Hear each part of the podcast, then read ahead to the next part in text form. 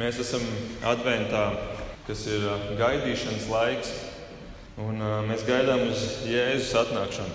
Liekas, tik ierasta, tik bieži piedzīvota, tik parasta lieta šajā laikā. Mēs dziedam dziesmas katru gadu no jauna. Un tad tas izaicinājums ir ieraudzīt katrā tajā gadā to īpašo. Un es ceru, ka tā mazā sērija, ko mēs šajā decembrī, šajā adventu laikā esam uzsākuši, proti par to, kāds ir viņš, kuru mēs gaidām. Šī sērija, kuru mēs nosaucam par Jēzus četrām sejām. Es ceru, ka tā varbūt ļaus mums padomāt par to, kāds bija viņš, kuru mēs gaidām. Cik viņš bija dažāds, Un cik viņa uzvedība, zinot to, kāds viņš bija, tomēr bija pārsteidzoša. Un cik daudz mēs varam mācīties no tā viena. Šī sērija ir par Jēzus četrām sejām, kur ir balstīta uz četriem evaņģēliem. Un katrs no šiem evaņģēliem Jēzu atklāja savā veidā. Mēs varētu teikt, ka katrs no evaņģēlistiem parāda citu Jēzus seju. Matejs parāda Jēzu kā ķēniņu, Jūs atceraties, pirmie vārdi jaunajā, evaņ, jaunajā derībā, Mateja evaņģēlijā, ir cilts raksti, kas šķiet tik neparasti priekš tik īpašas grāmatas, priekš jaunās derības grāmatas, kādēļ vajadzētu sākt ar ciltsrakstiem. Tādēļ, lai parādītu, ka viņš ir gaidāmais mesija, gaidāmais ķēniņš. Un tad Marks turpina un viņš parāda gluži pretējo. Viņš parāda Jēzu kā kalpu, Un tad būs Lūka evanģēlijas, kur Jēzus tiek parādīts kā cilvēks. Un tad būs Jāņa evanģēlijas, kur atkal ir gluži pretējais cilvēka pretstats Dievs. Un tā šie četri evanģēlīji parāda to pilno spektru, tās četras debesu puses šai Jēzus identitātei. Un šodien mēs vēlamies domāt par Marka evanģēlijā atklāto kalpa seju. Tātad kalps. Pagājušajā mēs runājām par ķēniņu, šodien par kalpu. Un kādreiz Jēzus tiešām būs kungs. Kādu dienu viņš būs tas gaidāmais ķēniņš, kurš nāks un ne tikai būs bijis pirms 2000 gadiem šeit virs zemes, bet kurš nāks arī no mums uz nākotni skatoties. Nāks un kļūs par šīs pasaules valdnieku. Marka evanģēlīja 14. nodaļā, 61. un 62. pantā notiek Jēzus pratināšana. Un tur mēs lasām, bet viņš klusēja un neatbildēja neko. Augstais priesteris vēlreiz vērsās pie viņa un jautāja, vai tu esi Kristus, augstā teicamā dēls? Un Jēzus sacīja, es esmu. Un jūs redzēsiet cilvēku dēlu sēžam pie visu spēcīgā labās rokas un nākam ar debesu padebešiem. Tātad Jēzus turēja šo dienu acu priekšā, šo dienu, kad viņš kļūst tiešām par kungu. Bet tobrīd viņš bija kalps. Tobrīd viņš bija kalps. Un visai šai tēmai pamatā ir šī šis pretstats starp lepnumu un pazemību. Lepnumu un pazemību, un visa grēka sakne ir lepnums. Ar to sākās jebkurš grēks. Jēkabs savā vēstulē, 4. nodaļā, 6. pantā raksta, citējot veco derību, ka Dievs stājas pretī augstprātīgajiem, jeb lepnajiem, bet pazemīgajiem dod žēlastību.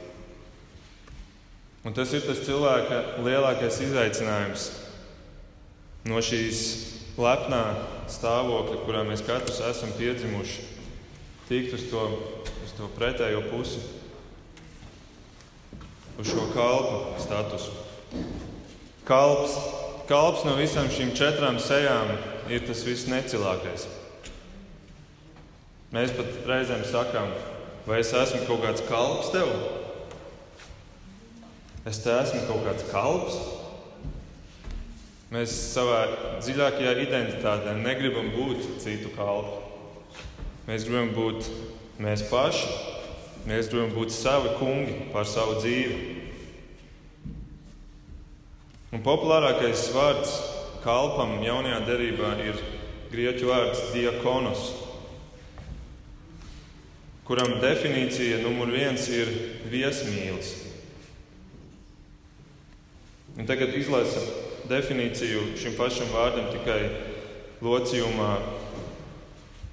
Es kalpoju, jeb grieķiski diakoneo, tad tur stāv rakstīts, es gaidu pie galda. Īpaši attiecināms uz vergu, kurš gaida uz viesiem. Un turpinājumā ir rakstīts aktīvi, tas nozīmē aktīvi kalpot, burtiski sacelt putekļus gaisā, jo atrodas kustībā. Tāda ir šī definīcija vārdam kalps. Arī mans oficiālais amats šeit, Vīlandē, starp citu, ja jūs nezinājāt, ir diakons. Es nezinu, cik daudz es te putekļu saceļu, jo šeit baznīca ir diezgan tīra. Un, un es arī neesmu, godīgi sakot, bieži kalpojis kafejnīcā par viesmīlu. Tomēr es varu teikt, ka arī es esmu tikai kalps šajā draudzē. Šorīt es esmu Dieva vārda kalps, un es nerunāju savā vārdā, bet es runāju Kristus vārdā. Un, un šajā ziņā mēs katru, patiesībā katrs esam diakoni. Jūs katrs, kuri esat draudzē un kalpojat, jūs esat diakoni. Arī Jēzus bija šāds diakons, un Jēzus, lasot jauno derību, varam redzēt, ir kalpojis ļoti daudzos veidos. Mums tur būtu jāveido vesela sērija, lai parādītu, kāds bija Jēzus un kādos dažādos uzdevumos viņš eh, devās. Tomēr viens labs apkopojums, ko mēs atrodam jaunajā derībā vairāk kārt, ir, ka viņš darīja trīs lietas. Viņš sludināja valstības evaņģēlīju pūļiem, tas nozīmē, viņš evaņģelizēja, viņš mācīja sinagogās, tas nozīmē, viņš nodarbojās ar māceklību, viņš mācīja tos, kuri ir ticīgi. Un viņš dziedināja. Ja citiem vārdiem sakot, viņš kalpoja ar darbiem. Un tas ir tāds apkopojums par to, kā Jēzus kalpoja. Bet es vēlos šodienas raksturvietā, kur mēs lasījām ievadā, šodienas raksturvietas minētā notikuma kontekstā ieraudzīt kādas citas trīs lietas, Un es domāju, ka tās ir lietas, kuras arī mums šodien, gan mūsu draudzē, gan arī šodienas draudzē kopumā ir ļoti aktuālas. Tātad šodienas tekstā mēs varam Jēzus rīcībā ieraudzīt trīs kalpa pazīmes. Pirmā pazīme ir kalpa komunikācija. Kalpa komunikācija. Mēs varam atvērt, um, kuri no jums ir aizvēruši, varbūt atveriet vēlreiz vaļā, jo mēs vairāk kārt ieskatīsimies arī šajā rakstvietā. Mēs 35. pantā lasām, ka Jēkabs un Jānis pienāk pie Jēzus un saka, skolotāji, mēs gribam, lai tu darītu, ko mēs tev lūgsim. Un te notiek kaut kas, kas nav noticis pirmo reizi, un arī nenotiks pēdējo reizi, jo mēs atrodam vismaz vēl divas reizes šādu pašu notikumu Jēzus un mācekļu ikdienā. Proti, mācekļi strīdās par to, kurš ir augstāks no viņiem. Un kurš būs tas, kurš varēs vistuvāk sēdēt pie ķēniņa. Tā tad pilnīgs pretstats kalpa attieksmei. Viņi saka, mēs gribam, lai tu darītu, ko mēs tev lūgsim. Ļoti žēl, ka kārtējo reizi latviešu tulkojums nav pilnīgs. Ja mēs ieskatāmies angļu tulkojumā, mēs lasām, Tur ir rakstīts tā, mēs gribam, lai tu darītu, lai ko arī mēs tev lūgsim. Whatever we ask of you. Jebko, ko mēs tev lūgsim. Liekas, tik bērnišķīgs gājiens. Man ir četri bērni, un man ir pašam bijis šāda situācija, kur man pienāk, pienāk um, mans, mans puika un saka, tēti, es tev neteikšu, ko, bet es tev tuņi kaut ko prasīšu, un tev jau jāpasaka, ir jā, tagad. Es neteikšu, kas tas ir, bet tev jāpasaka jā, un tad es tev atklāšu. Tas ir tas, ko viņi šeit dara. Mēs gribam, lai tu dari, lai ko arī mēs tev lūgsim. Un te tas atslēgas vārds viņa tajā teikumā ir šis vārds, mēs gribam. Gribulīši. Tā atklājās cilvēka griba. Un zinot to, ka šis nenotiek pirmo reizi, un zinot to, cik muļķīga ir šī prasība, cik, cik egoistiska, un zinot to, ka Jēzus ir tik tālu virs viņiem, tomēr Jēzus reakcija ir īsta kalpa cienīga. Īsta kalpa cienīga. Viņš neuzsprāgst, viņš neapvainojās, viņš neatmeta roku kā tādiem bezcerīgiem gadījumam. Viņš nepamet viņus, viņš nepadodas, viņš nesaka, viss, jūs neko nesaprotat. Es tik ilgi ar jums staigāju, un jūs joprojām uzdodat šitādus jautājumus. Nē, viņš ir gatavs izskaidrot, viņš ir gatavs pamācīt, viņš ir gatavs pat uzklausīt. Viņš ir gatavs uzklausīt, viņš viņiem pat atbild. 36. pantā. Ko jūs gribat, lai es jums daru? Man liekas, pēc šāda jautājuma, cik daudz no mums atbildētu šādā veidā viņam? Ko jūs gribat, lai es jums daru? Vai Jēzus nezināja, ko viņi grib? Protams, ka Jēzus zināja, mēs daudz kur citur Bībelē redzam, ka Jēzus jau zina, ko cilvēks viņam grib jautāt, pirms viņš to dara. Un cik šī kalpa cienīgā komunikācija ir svarīga mums šodien. Īpaši mums, draudzē, kristiešiem, un, un es pateikšu godīgi, pēdējā gada laikā es esmu sastapies ar šo problēmu kā numur viens problēmu kristiešu aprindās. Kristiešu aprindās komunikācijas problēmas. Mums šodien ir desmit veidi, kā mēs varam komunicēt. Pa tiešo, caur WhatsApp, caur e-pastiem, piezvanīt, Facebook, Messenger un tā tālāk. Un tā tālāk. Un acīm redzot, tehnoloģija mums dod tik plašas iespējas, ka mēs kļūstam ar vien steidzīgāki un paviršāki un nemēģinam iedziļināties un pavirši izlasām. Un tad mēs interpretējam dzirdēto vai lasīto maksimāli negatīvākajā veidā.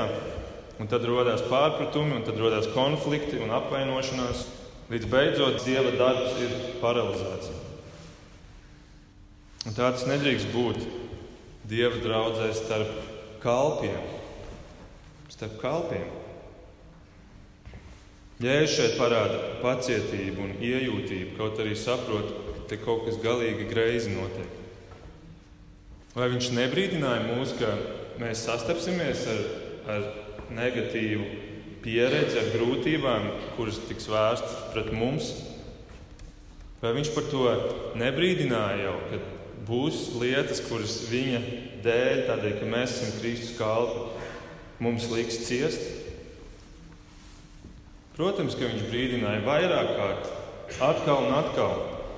Un arī šodienas tekstā, turpinājumā, viņš brīdina savus mācekļus. 37. pantā viņš saka, 38. pantā viņš saka, jūs nesaprotat, ko jūs lūdzat. Vai jūs varat dzert to biķeri, ko es dzeru? Vai jūs varat tikt kristīti tajā kristībā, kurā es tieku kristīts? Biķers ir šī nāve, šī rūktā nāve, kas viņus sagaida. Un kristība šeit nav domāta ūdens kristība, bet arī tas ir simbols šīm vajāšanām un līdz pat nāvei. Jēzus komentārs ir: Jūs nesaprotat, ko jūs lūdzat. Jūs nesaprotat. Un man liekas, ka mēs arī bieži vien nesaprotam, ko mēs lūdzam. Ne jau tikai lūkšanas ziņā mēs nesaprotam, mēs nemākam lūgt, bet mēs pat nesaprotam, uz ko mēs esam parakstījušies. Uz ko mēs esam parakstījušies, lūdzot Kristumu kļūt par mūsu kungu. Mēs varbūt nepiedzīvojam fiziskas vajāšanas, paldies Dievam. Mēs varbūt nepiedzīvojam tiešu verbālu agresiju pret mums. Paldies Dievam par to! Un es zinu, ka ir arī pietiekami daudz cilvēku, kuri to piedzīvo. Un te varētu stāstīt arī par, par bērnu kalpošanām, kur, kur tas viss tiek piedzīvots. Bet mēs varbūt piedzīvojam komunikāciju, kas ir nepilnīga pret mums, kas neizrāda mums vēlamo respektu un cieņu, un, un to pateicību, varbūt, un to atzinību un novērtējumu, kas pārkāpj mūsu vēlamās pašcieņas robežas. Jā, mēs to piedzīvojam, un tas ir normāli. Tas ir tas, ko Kristus arī mums teica, kad, kad sagaidiet, ka būs ciešanas. Un, ja tas ir tas, ko mēs piedzīvojam, un ne šīs smagākās lietas, tad mēs varam teikt, Aleluja! Un mēs vispār varam teikt, Aleluja! Kristus pravietojums ir piepildījies, ka pret mums tiks vērsts, vērstas grūtības un ciešanas. Un paldies Dievam, ka tas mums ļauj, tas mums dod piespēli, lai mēs varam izspēlēt šo kalpu lomu. Tas ir tas, kur mēs varam parādīt, apliecināt šo kalpa identitāti. Bet, ja mēs par šīm vieglajām komunikācijas vajāšanām jau apvainojamies, tad kur ir tā kalpa identitāte mūsos? Un es jūtos svētā gara mudināts izcelt šo akcentu, kas varbūt citādi liktos pārāk pārspīlēts. Bet es jūtu, ka šī problēma iet vairumā, un tas ir, tas ir visur mūsu sabiedrībā, bet, bet tas ir arī mūsu kristīgajā baznīcā. Tā. Iespējams, tāpēc, ka, ka ir šis 21. gadsimta hipersteidzīgais dzīves ritms. Iespējams, vainīgi ir mūsu 21. gadsimta cilvēku tiesību un cilvēku ego pumpēšana, kas notiek visos masu mēdījos, kur cilvēks tiek pasniegts, ka tu esi tas kungs. Un ja kāds pret tevi kaut ko nepasaka tā, kā tas ir tevis cienīgs, tad varbūt pat iesūdz viņu tiesā. Aizstāv sevi, aizstāv savu reputāciju. Varbūt tas ir arī mūsu 21. gadsimta sludinātais nebībliskais evaņģēlijs, kur cilvēks tiek arī iecelts kunga lomā, un viņš var Kristumu pavēlēt visu kaut ko. Dievs dod man to, un Dievs dod man šo. Galvenais, ka mana ticība ir pietiekami stipra, man tikai jānotic ir, un tad Dievam man tas ir jādod. Bet, ja tomēr Kristus ir mūsu kungs, tad tā mācība no viņa rīcības šeit ir tā, ka sagaidi, ka būs šādas grūtības. Sagaidi, ka būs komunikācija, kas nav tevis varbūt cienīga. Un es esmu personīgi savā dzīvē pieņēmis to, ka ka manā dzīvē būs negatīvas lietas. Un ne tikai, protams, komunikācija, bet, bet daudzas un dažādas citas lietas. Un būs arī, būs arī šī komunikācija, un mans uzdevums, es ticu, ir censties maksimāli pozitīvi interpretēt to, ko cilvēki saka par mani vai saka man. Šodien man bija saruna ar vienu draugu, kurš kurš ir sācis nesen savu biznesu. Un, kā jūs zināt, arī es strādāju um, dizaina jomā jau, jau ilgāku laiku, un tad viņš man tur pāris jautājumus uzdeva. Un mēs runājām par, par izaicinājumiem. Viņš teica, ka viņam tas izaicinājums šobrīd ir tas, ka viņam ir jāmācās visādās, visādos virzienos, pašam jāapgūst, un ka tas nesot viegli. Un, un es viņam ieteicu, ej soli pa solim, bet sagaidi, ka tev būs kritieni, ka būs vilšanās un neveiksmes. Piemēram, pieņem, ka tev trīs reizes gadā būs kāda neveiksme, iespējams, tevis paša radīta. Un tu nedrīksti, ja tu sagaidīsi, ka tev būs šīs lietas, tad, tad kad tas notiks, tas neizsitīs tev no sliedēm, bet tu to būsi gaidījis. Tas būs tikai piepildījums tam, ko tu gaidīji. Un es ticu, ka tāpat ir ar šo komunikāciju. Ja vēlēsies, tad, tad pieņem arī tu šādu principu un, un pieņem, ka trīs reizes kaut vai gadā pret tevi notiks kaut kas tāds, ko, kas tev nešķitīs pieņemams komunikācijas ziņā. Un tu neļausi tam izsist sevi no sliedēm, bet tu spēsi pieiet ar mieru un ar kalpojošu attieksmi, kā Kristus to šeit parāda. Mācītājs J.C. Rails ir teicis, Kristus kalps nekad nedrīkst būt pārsteigts, ja tam jādzer no tā paša biķera, no kura dzērs viņa kungs. Tātad šīs situācijas ir iespējas, kur es varu kalpot. Šī situācija, kur, kā, kur šie mācekļi nāk ar tik muļķīgu lūgumu, Jēzus pārvērt par iespēju kalpot. Un viena interesanta piebilde varbūt vēl par šo mācekļu muļķīgo lūgumu ir, ka Jēzus citviet ir minējis, ka viņi sēdēs kādu dienu uz 12 troņiem un tiesās 12 Izraēla ciltis, piemēram, Mateja 19, 28. Jēzus tiem teica: Patiesi es jums saku, jūs, kas man esat sekojuši, tad, kad būs viss atjaunots un cilvēka dēls sēdēs savā godības tronī, arī sēdēsiet uz 12 troņiem un tiesāsiet 12 Izraēla ciltis. Tā kā debesīs nebūs jātiesā, tad šī ir viena no tām atsaucēm, par kurām mēs arī runājām kādā no iepriekšējām nedēļām par šo tūkstošu gadu miervalstību. Vieta, kur, kur ir sagatavota un kur šiem mācekļiem tiks dota īpaša loma. Vēl Lūks 22, 29, 30 ir teikts, un es jums novēlu valstību, tāpat kā mans tēvs to novēlēja man, lai jūs ēstu un dzertu pie mana galda, manā valstībā, un sēdētu troņos, tiesādami 12 Izraēla ciltis. Un iespējams, ka šī saruna, jeb šīs sarunas deva viņiem šo cerību, ka viņi būs valdnieku lomā, ka viņi sēdēs uz troņiem, un viņi gribēja sev nodrošināt vienkārši tuvāku pozīciju Kristum. Bet tad Jēzus turpina 39. un 40. pantā. Viņš saka, ka jūs dzersiet no šī bitera un tiksiet kristīti. Viņš to uzdod kā jautājumu, un, un mācekļi atbild, mēs varam. Un tad viņš saka, ka jūs to arī tiešām piedzīvosiet. Bet sēdēt pie manas labās vai kreisās rokas, to dot nav manā ziņā.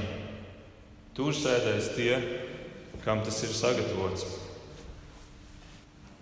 Un te mēs redzam otro pazīmi, otro kalpa pazīmi. Un tā ir kalpa lojalitāte. Kalpa lojalitāte. Jēzus nu jau tiešā veidā atklāja, ka Kaut arī viņš ir kungs, kaut arī viņš ir gaidāmais ķēniņš, tomēr viņš ir kalps, jo viņš pilda cita gribu. Jēzus pilda sava tēva gribu, nevis savu gribu. Un arī tā ir, protams, pazīme, kuru mums ir jāmeklē sevī. Ka mēs nevaram kalpot savai gribai, bet mēs esam šeit, lai kalpotu tēva gribai. Mums ir jākalpo cilvēkiem, bet mums ir arī jākalpo dievam. Un tas, ko mēs varam atrast, ir, ka mēs katram no viņiem kalpojam savā veidā. Cilvēkiem tu esi atbalstītājs, bet dievam tu esi pakļautais. Tā ir atšķirība. Es pateikšu citādāk. Cilvēkiem tu esi kalps, bet dievam tu esi vergs. Cilvēkam tu esi kalps, bet dievam tu esi vergs. Ļaujiet man paskaidrot. Vārdam kalps ir seši vārdi grieķu valodā. Un visi šie vārdi jaunajā derībā, kas ir minēti, visi nozīmē kalpot citiem. Tas nozīmē, jebko, ko tu dari draudzē, tu nedari sev. Jebkuras gara dāvana, kur tev ir dota, ir domāta, lai tu kalpotu citiem, nevis sev. Tā skaitā mēs bieži dzirdam, piemēram, par mēlēs runāšanām, ka mērķis ir sevis celšana, ka Dievs ir devis šo dāvanu, lai tu celtu sevi. Tas ir pilnīgi pretrunā ar to, ko nozīmē būt kalpam. Ja tu esi Kristus sekotājs, tad tu esi arī kalps citiem, lai viņus celtu. Tā ir tava funkcija. Draudzē un tava funkcija arī kalpojot draudzē kā, kā diakonos. Bet eksistē arī vārds vergs. Un, ja godīgi, tad tas ir nesalīdzināmi vairāk lietots nekā vārds kalps. Vārds vergs, piemēram, vecajā derībā, kā vergs, angļu valodā ir iztulkots tikai vienu reizi.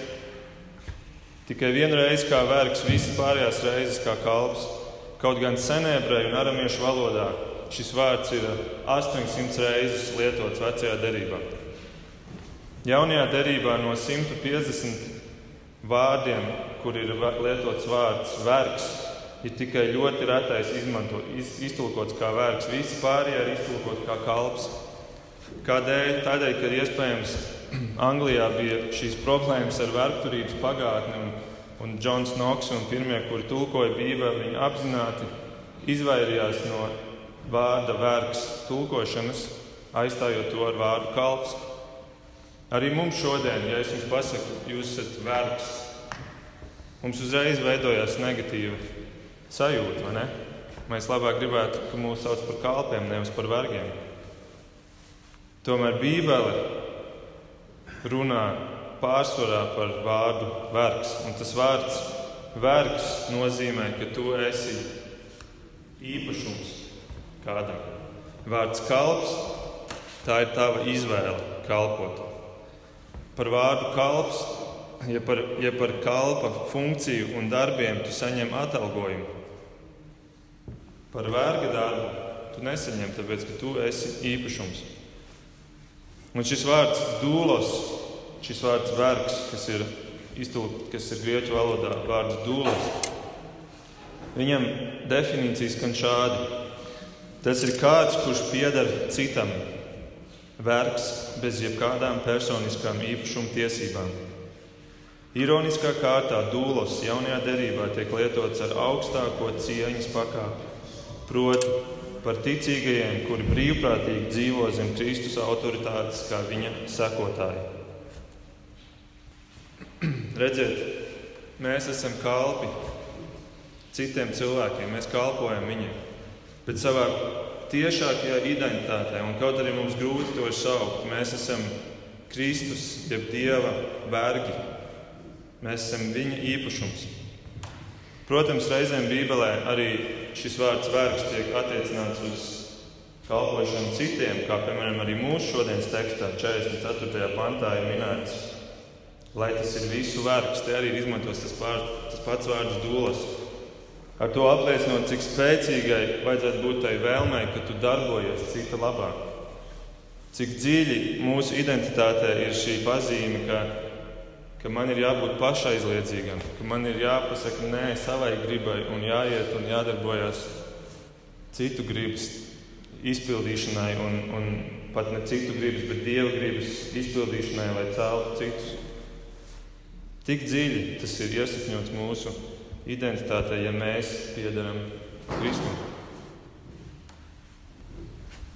Un tādēļ tā galvenā doma ir, es piedaru Dievam, es piedaru Dievam. Tādēļ man ir jābūt lojālam pret viņu. Es nevaru saukt sevi par Dieva īpašumu un tad izvēlēties pats, ko es daru savā dzīvē.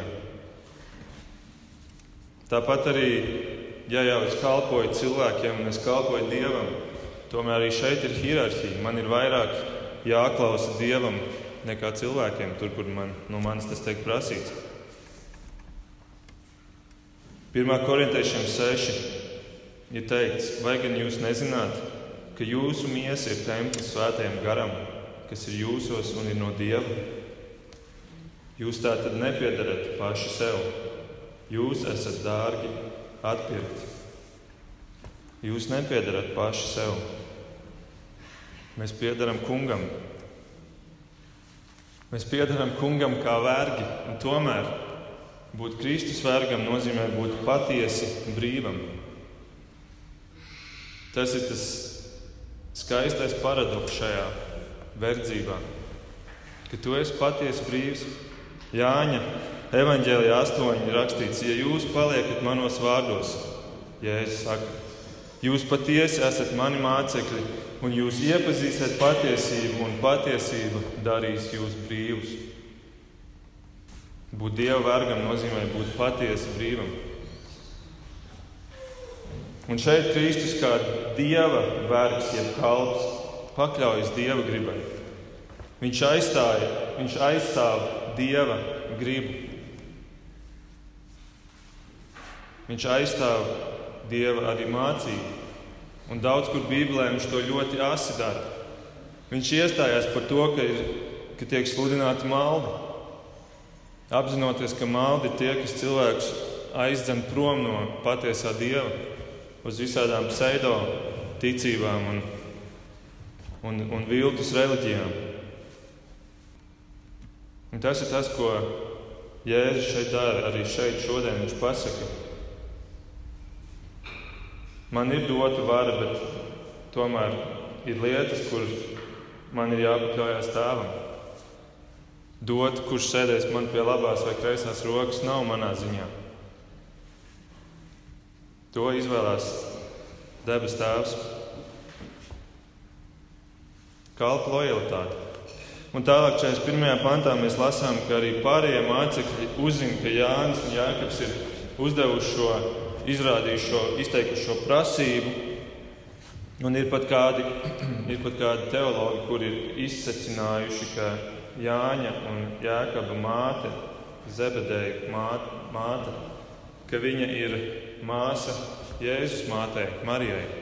Tas nozīmē, ka tepat ir ģimenes notikums, ģimenes biznesa.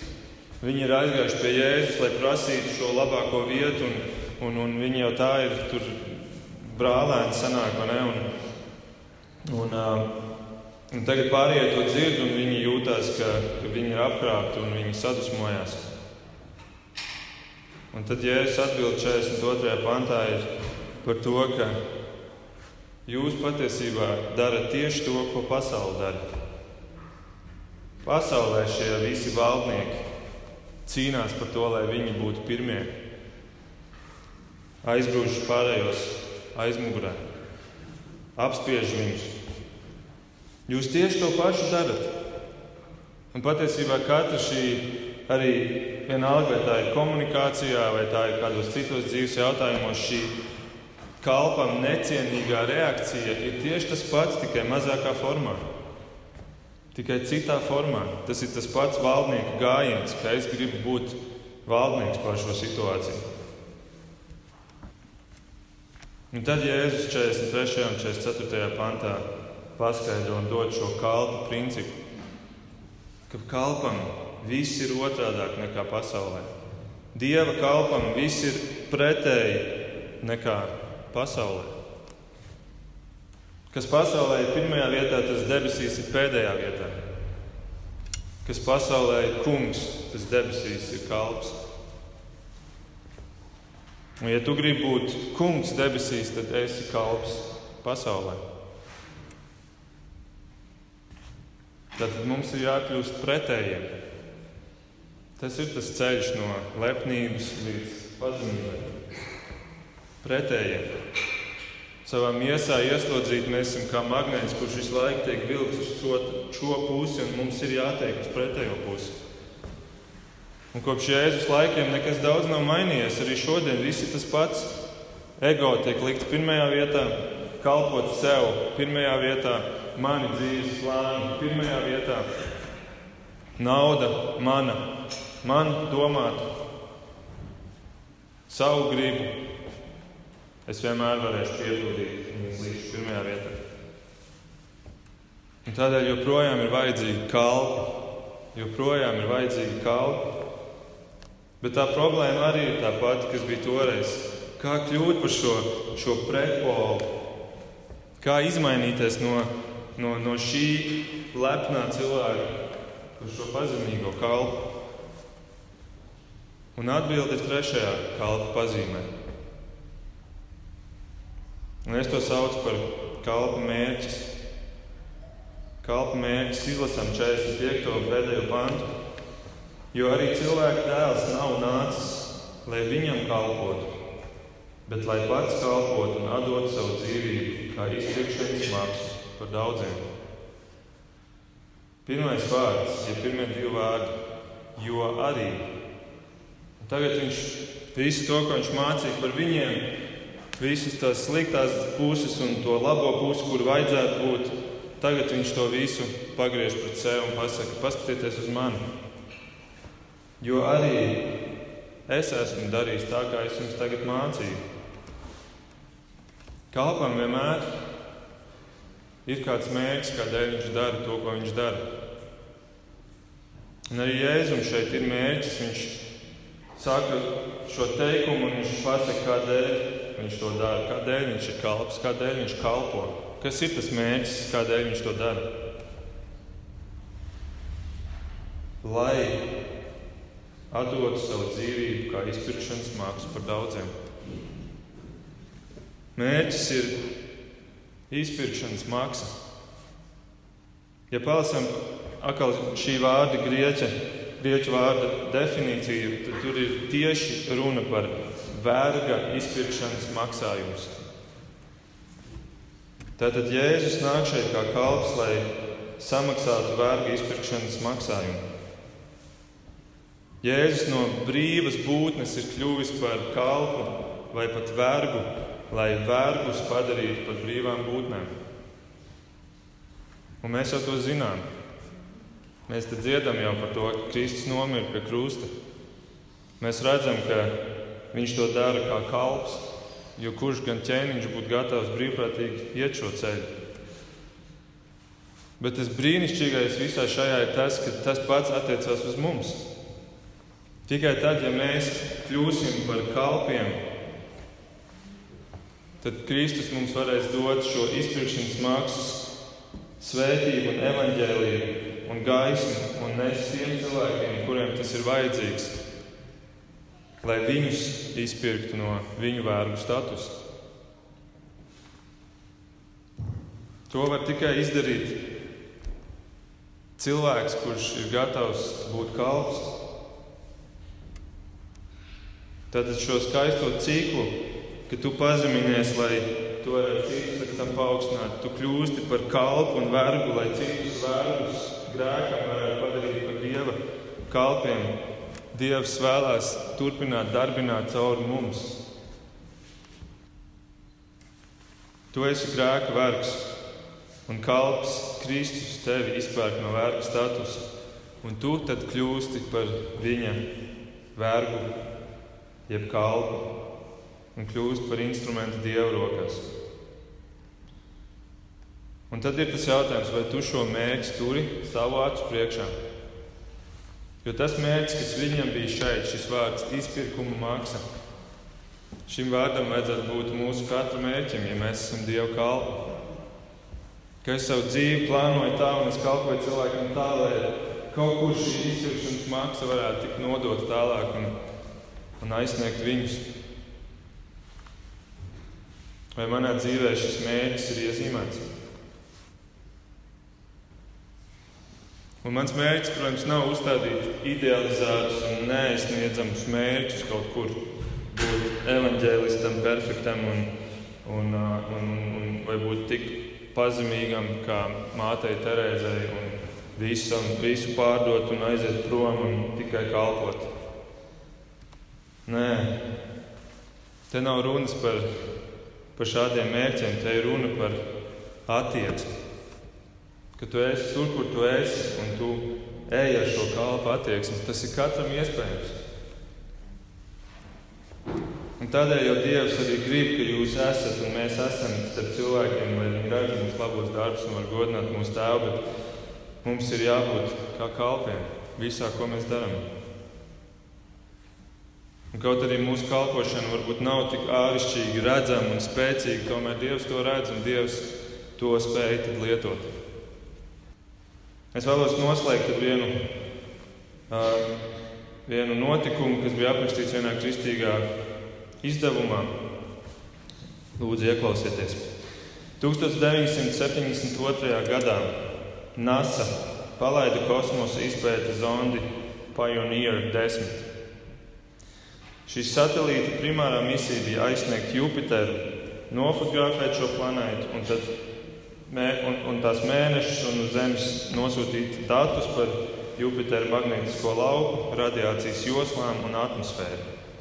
Zinātnieki uzskatīja šo par nerealistisku plānu, jo tobrīd neviens satelīts no Zemes nebija ticis tālāk par Marsu.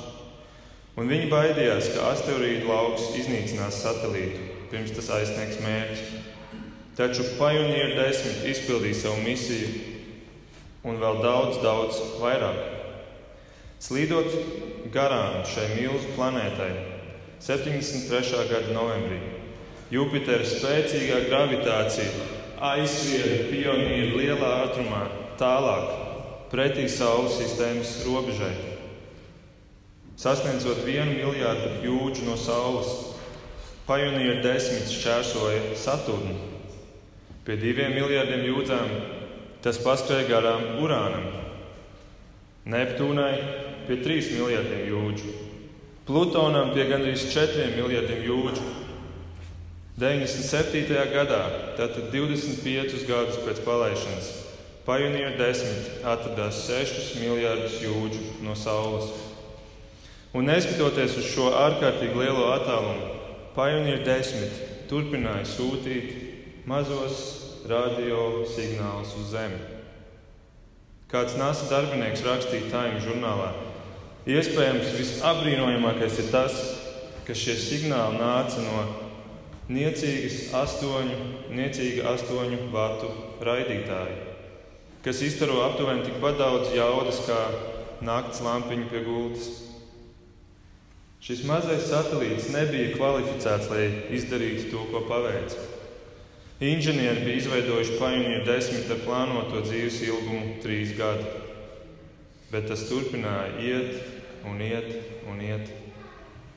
Ar vienkāršo ilgmūžību Tā sīkais astoņu vātu raidītājs paveic vairāk nekā jebkurš būtu turējis par iespējamu. Man patīk šajā rakstā pēdējais komentārs. Tāpat tas ir, kad mēs nododam sevi kalpošanai tam kungam. Dievs var strādāt pats caur cilvēku ar astoņu vātu spējām, bet Dievs nevar strādāt caur cilvēku, kurš pamet. Jēzus bija kalps un viņš joprojām ir kalps. Mēs lasām Bībelē, ka viņš joprojām debesīs iestājās par mums katru dienu. Viņš joprojām kalpo mums. Viņš joprojām ir ķēniņš, ķēniņš. Vai viņš joprojām ir arī cilvēks? To es jums pastāstīšu nākamā svētdienā. Lūksim Dievu. Mīļais kungs, paldies par tavu vārdu. Paldies, kungs, ka Mēs tik daudz varam mācīties no tevis. Un, un iespējams, visgrūtākais, ko mums pieņemt sev, ir, ir šī kalpa seja, kuru mēs redzam tevī. Bet, kungs, tu esi izvēlējies šo tik fantastisko, grandiozo, pasaulē nesaprotamo ceļu caur kalpu, caur pazemību, caur kūtiņu, betlēmē, caur koku silīti caur romiešu smagāko nāves soda veidu, krustu. Tu esi visu laiku gājis un rādījis kalpu priekšzīm, kungs. Kaut gan tu esi radījis šo pasauli, tu esi radījis katru no mums. Tu esi patiesa kungs. Mēs neesam kungi, bet mums tik un tā ir grūti būt kalpiem. Tāpēc mēs lūdzam, palīdzi, ka mēs varētu caur tavu spēku kļūt pazemīgi, tā lai tu vari mūs lietot. Pat ja mēs esam tikai kā tādi astoņu vatu raidītāji, tik nespēcīgi, tik vāji. Bet paldies, ka mēs to varam darīt tavā spēkā, kungs. Lai tev ir gods un pateicība, to mēs lūdzam Jēzus vārdā. Āmen!